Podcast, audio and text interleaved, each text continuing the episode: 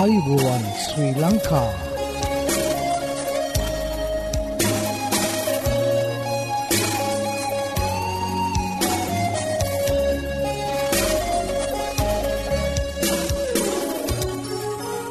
ඔබට සුපදස මේ ඇඩවෙන්ටිස් වර්ල් රේඩියෝ බලාපොරොත්වය හඬයි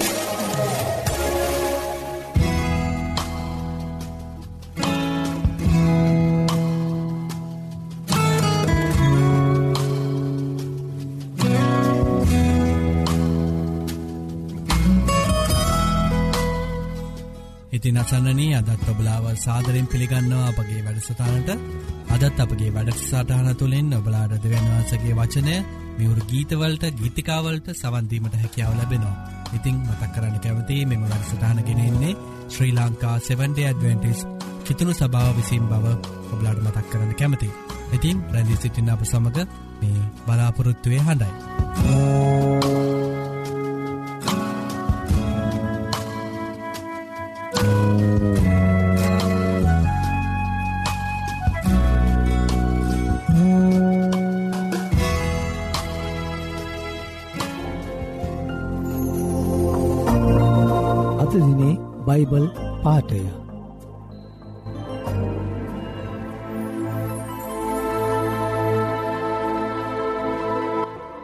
හිතෝපදේශය හත්වන පරිච්චේදය එකේ සිට තුන දක්වා.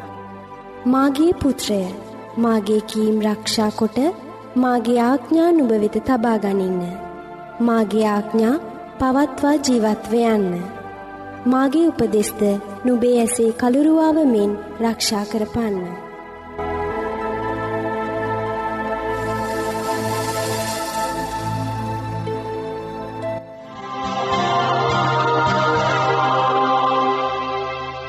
ඔබ මේ රැදි සිටින්නේ Shri Lanka Adventist world radio බලාපොරොත්තුවය හඬ සමඟයි.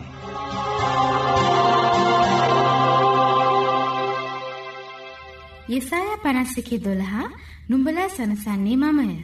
ඔබට මේ සැනසම ගැන දැනගානට අවශ්‍යද? එසේනම් අපගේ සේවය තුළින් නොමිලේ පිදෙන බයිබල් පාඩම් මාලාවට අදමැතුල්වන්න.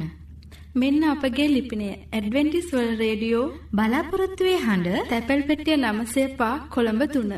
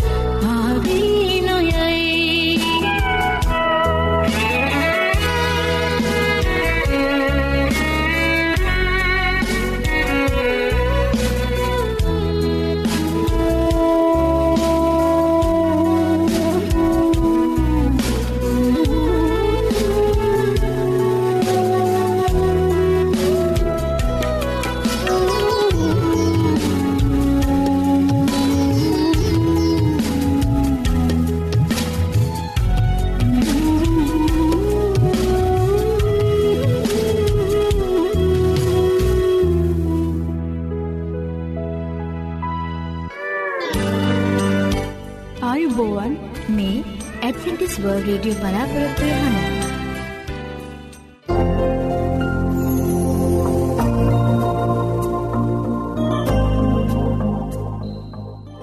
ඉතින් හිතවත හිතවතිය දැන් ඔබට ආරාධනා කරනවා අපහා එකතු වෙන්න කියලා අද දවසේ ධර්ම දේශනාවට සවන් දෙන්න. අද ඔබට ධර්ම දේශනාව ගෙනෙන්නේ හැරල් ෆිනෑන්ඩු දේවක තුමා විසින්. ඉතින් එකතු වෙන්න මේ බලාපොරොත්තුවය හඬට.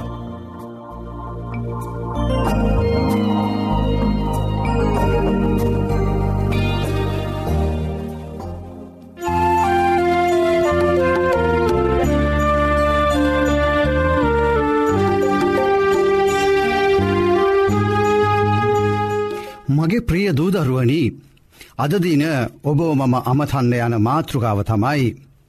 ජෙසුස් ක්‍රිස්තුස් වහන්සේ ඔබගේ ප්‍රේමය කියලා. තේමාව ඇවිල්ලා මේක දෙව පොරුන්දුවක්. බයිබලයේ ප්‍රධාන බයිබල් පදය වසයෙන් මම ගන්නව යොහන් පොතේ තුන්වෙනි පරිච්චේදය දාසයවැනි පදය. මෙන මේ ප්‍රේමය ගැන කතා කරද්දී බොහෝ දේ කතා කරන්නට පුළුවන්. ඒ ලෞකික ප්‍රේමය ආදරය රාගය සම්බන්ධවයි. නමුත් මම ඔබට අද කතා කරන්නට යන්නේ ඊට වඩා සම්පූර්ණයෙන්ම වෙනස් අධ්‍යාත්මික ප්‍රේමයක් ගැනයි. මේ අධ්‍යාත්මික ප්‍රේමය ගැන සඳහන් වන්නේ ජීවමාන බලයක් ඇති දේව වචනය තුළ නිසා අපි දේව වචනය දෙසට යොමුුවමු. පාවුල්තුමා ඒ ගැන මෙන්න මෙහෙම කියනවා රෝම පොතේ පස්වනි පරිච්චේදේ අටවෙනි පදයෙන්.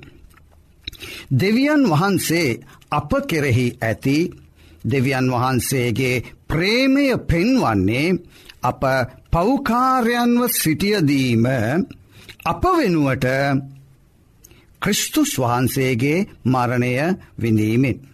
එතකොට අපි පෞකාරයන්ව සිටිදි තමයි අප වෙනුවෙන් මේ පාපපෝච්චාව ඔප්පුවෙන්නේ. යොහන්තුමා මෙන්න මෙහෙම කියනවා යොහන් පොතේ තුන්ගනි පරිච්චේදේ දාසයවෙනි පදයෙන් අපේ ප්‍රධාන බයිබල් පදේ. දෙවියන් වහන්සේ ස්වකීය ඒක ජාතක පුත්‍රයාණන් දෙන්න තරමටම ලෝකයාට ප්‍රේම කලා ලෝකයාට ගැන්නේ ලෝකේ ජීවත්වන සියලූම මනුෂ්‍යයින්ට.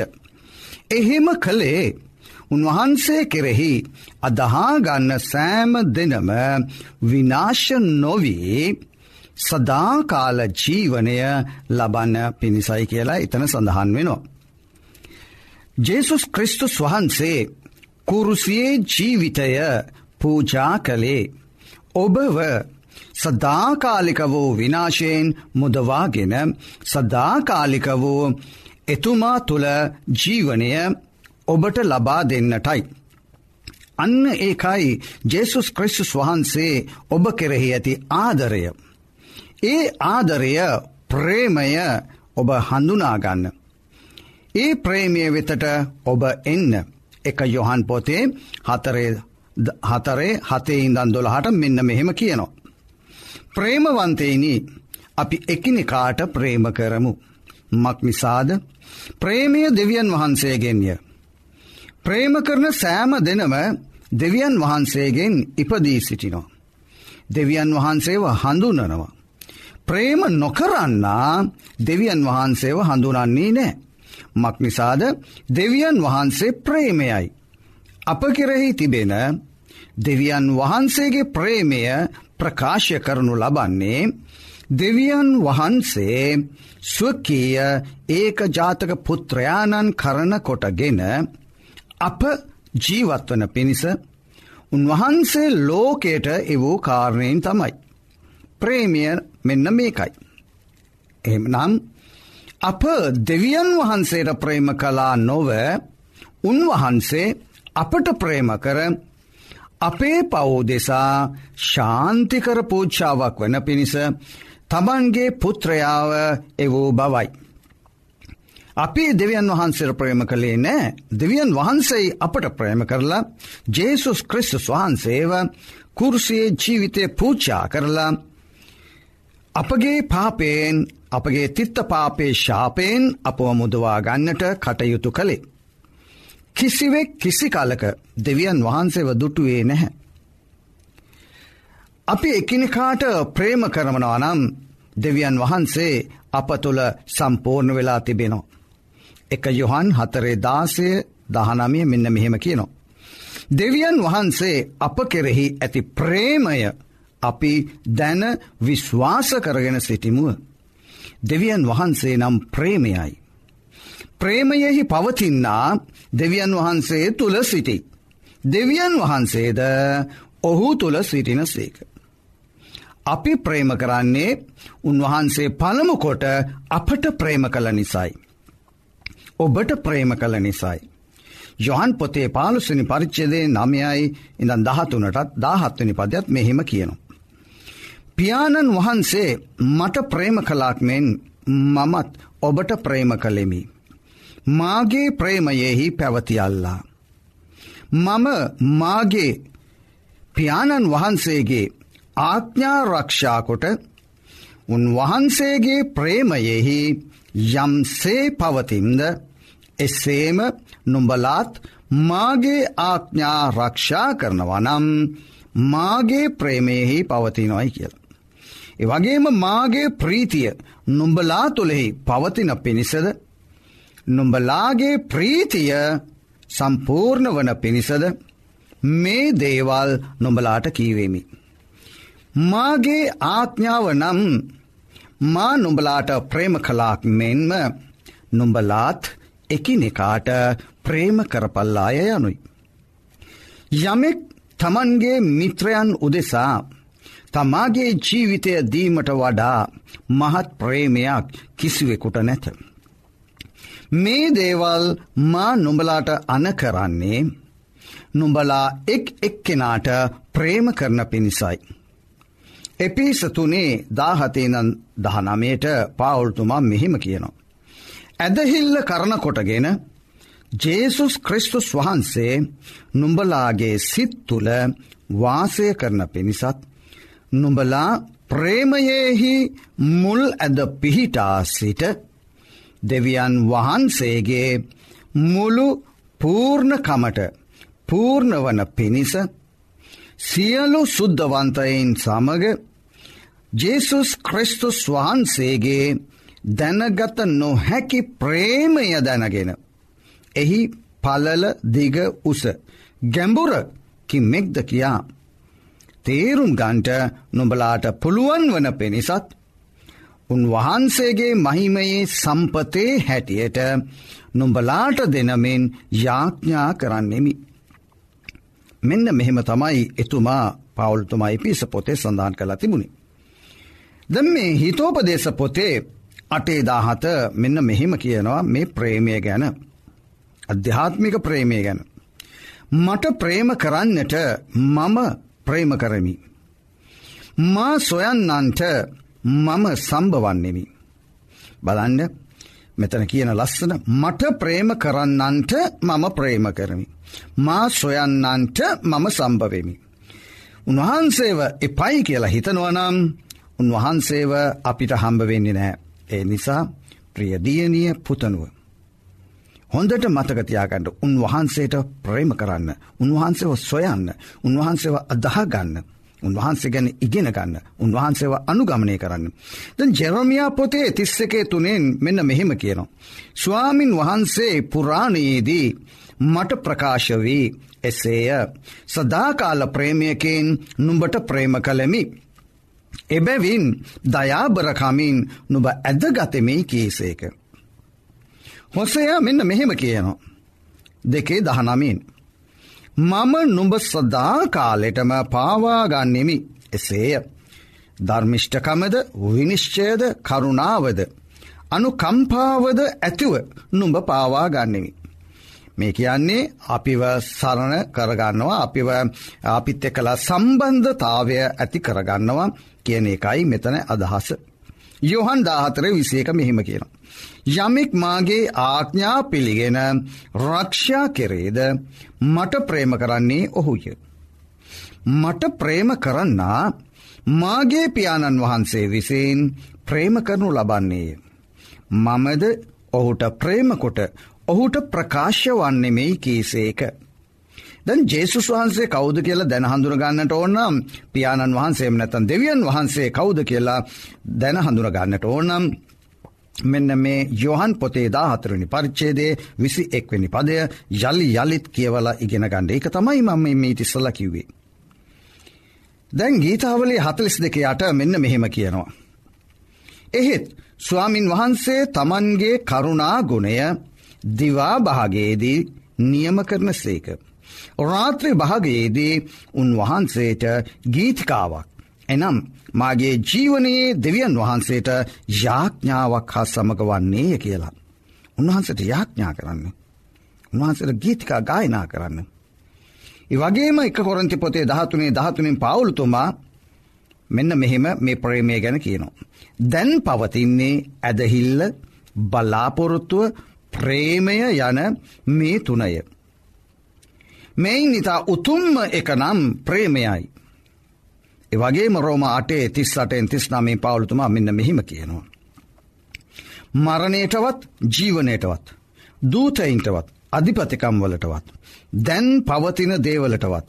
මතු පැමිණෙන දේවලටවත් පර්ාක්‍රමවලටවත් උසටවත් ගැඹුරටවත් අන්කිසි මැවිල්ලකටවත්.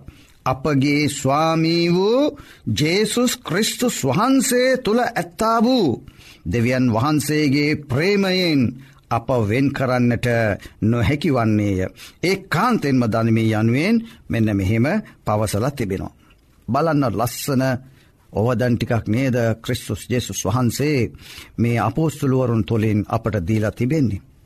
මෙන මේ නිසා අපට දෙවියන් වහන්සේව ඕනනම් ජේසුස් වහන්සේව දැනගන්නට ඕනනම් අපි ජේසුස් වහන්සේ වෙතට අපගේ ජීවිතය විවෘත කරමු. අපගේ සිත නැමති දොරටුව උන්වහන්සේට විවෘත කරමු. උන්වහන්සේතකොට අපි තුළට ඇවිල්ලා අපට එළිදරව්වෙයි. ඒ සඳහා අපේම ශක්තියෙන් බැහැ අපි උන්වහන්සේගෙන් ඉල්ලා සිටිමු. ආදරණීය දෙවිපාණනි ඔබ වහන්සේට නමස්කාර කරමින් ඔබහන්සේගේ පුත්‍ර වූ ජෙසුස් ක්‍රිස්තුස් වහන්සේට ස්තුති ප්‍රසංසා කරමින් අපට ප්‍රේමිය දැක්වූ නිසා අපට දීතිබෙන්නාව ශුද්ධාත්මයන් වහන්සේගේ මඟ පෙන්වීම යටතේ ඔබ වහන්සේව අපගේ සිත තුළ අපගේ ජීවිතය තුළ අපගේ චරිතය තුළ තබාගන ආරක්ෂා කරගන්නට අපට ශුද්ධාත්මවරම් ලබාතුන මැනව. ඔබ වහන්සේගේ ප්‍රේමිය ගැන මට උගන්වා ඒ ප්‍රේමය තුළ ජීවත්වන්නට මට ධෛර්ය ශක්තිය මඟ පෙන්වීම දුනමැනව. ජේසුස් ක්‍රිස්තුස් වහන්සේගේ නාමයෙන් ඉල්ලා සිටිමේ ආමේන්. අසන්නන්නේ ඔබ මේ රැඳී සිටින්නේ ඇඩ්වෙන්ටිස් වර්ල්ඩ් රේඩියෝ බලාපොරොත්තු වෙන හඬ සමග.